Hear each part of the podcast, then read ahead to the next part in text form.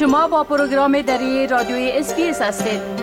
گزارشات عالی را در sbs.com.au دری پیدا کنید.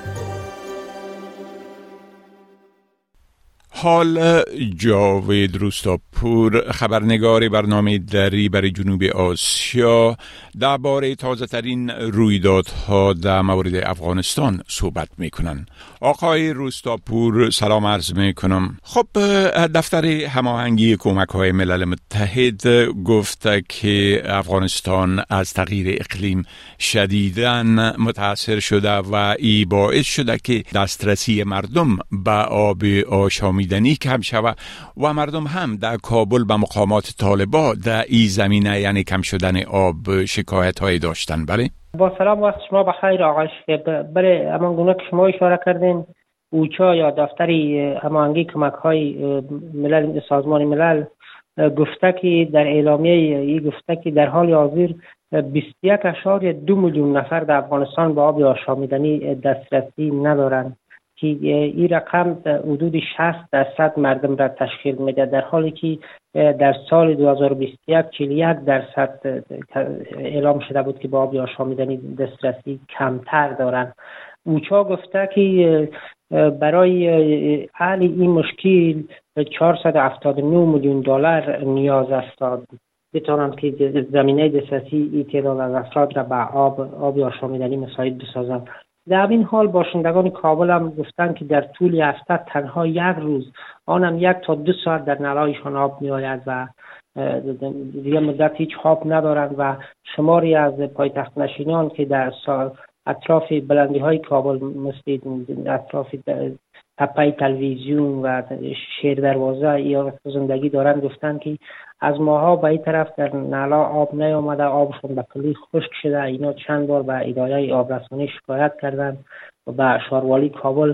اما در پاسخ شاروالی کابل بری از یا گفته که برای ای که آب آبای زیرزمینی بالا بیاد شما باید نماز بخوانید خیر, خیر و خیرات کنین. و گفته از او و روزه بگیرین تا که آب آبای زیرزمینی بالا بیاد و از این مشکل رهایی پیدا کنیم. این در حالی است که در برخی دیگری از ولایات مثل بلخ هرات و ولایات دیگری افغانستان هم گفتند که چاهای زیرزمینی خشک شده و چایی که یک سال پیش حدود 40 تا 50 متر بود حالی به 120 متر اون را افزایش دادن ولی آب, آب بالا نیامده و مشکل آب یک مشکل بسیار کلان در افغانستان. بله خب مسئله دیگه که بسیار قابل نگرانی برای زراعت افغانستان است او ایست که گفته میشه که حجوم ملخ ها باعث مشکلات برای دهاقین در سمت شمال افغانستان شده بله؟ بله دقیقا شماری از دهقانان در ولایت های شمال افغانستان گفتند که ملخ ها بخش زیادی از مسئولاتشان که شامل گندم، جو، جواری بوده نابود کردن و کشتزارهای از جای ها در حال افزایش است.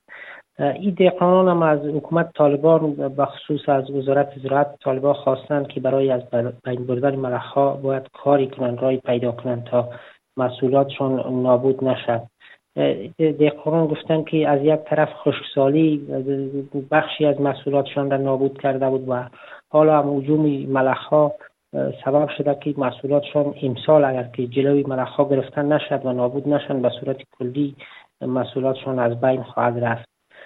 این در حال است که چند روز پیش هم اداره غذا و زراعت سازمان ملل در یک گزارش گفته بود که در ولایت های شمالی مثل بدخشان، بغلان، بلخ، کندز، سمنگان، سریپل و تخار ملخ های مراکشی در حال رشد هستند که اگر که جلوی از گرفته نشد این ها یک بار که رشد کنند بسیار خطرناک خواهد بود که نه تنها زراعت که بلکه باغ را هم نابود خواهند کرد.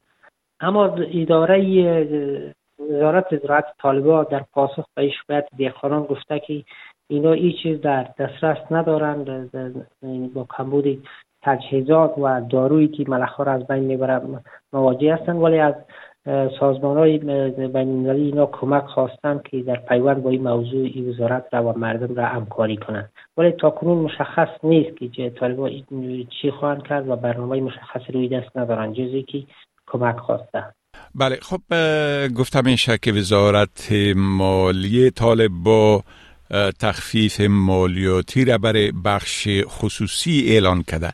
اگر در این باره لطفا یک مقدار معلومات بتین وزارت مالیه طالبا در اعلامیه‌ای که نشر کرده گفته که طبق هدایت رهبری گروه به منظور رشد و حمایت سکتور خصوصی تخفیف مالیاتی را تسهیل و فراهم خواهد کرد. در این اعلامیه تاکید شده که برای رشد و توسعه سکتور صنعتی مالیه ربع اول انتفاعی از 4 درصد به 2 درصد کاهش یافته و همچنین 7 درصد مالیه قراردادی موضوعی برای سکتورهای زراعتی، صنعتی و تجارتی معاف شده است. این وزارت گفته که برای ایجاد تسهیلات به تاجران و صنعتکاران زمینه توزیع پاسپورت را در تمام زونهای کشور ایجاد خواهد کرد. اما این در حال است که چند پیش به دلیل بلند رفتن افزایش مالیات بر تجار و همچنان کسایی که کسب کار بودند شکایت های بسیار جدی در مرکز و ولایات بالا شد و حتی شماری از کسبکاران و دکانداران مجبور شدند که دکانهای خود را مسدود کنند و کار خود را تعطیل کنند. به دلیل از اینکه اینا می‌گفتند که مالیه را که طالبا وضع کردن نمی‌تونن که به شمول کرایه دکان و برخی مصارف دیگه پره کنن چی برسد به که از کارشان اینا آید کرد. ولی ای که ای که اعلامیه طالبان چقدر عملی خواهد بود مشخص نیست. چون گفته میشه در برخی ولایات مقامات محلی طالبان قانون خود را دارند و هرچی را که از مرکز هم اعلام می‌شد تطبیق نمی‌کنن و برنامه خود را وضع و عملی می‌کنن بله خب بسیار تشکر آقای پور از گزارشتان و فعلا شما را به خدا می سپارم و روز خوش برتان آرزو می کنم وقتی شما هم خوش را حافظ ناصرتان می خواهید این گناه گزارش ها را بیشتر بشنوید؟ با این گزارشات از طریق اپل پادکاست، گوگل پادکاست، سپاتیفای و یا هر جایی که پادکاستتان را می گیرید گوش دهید.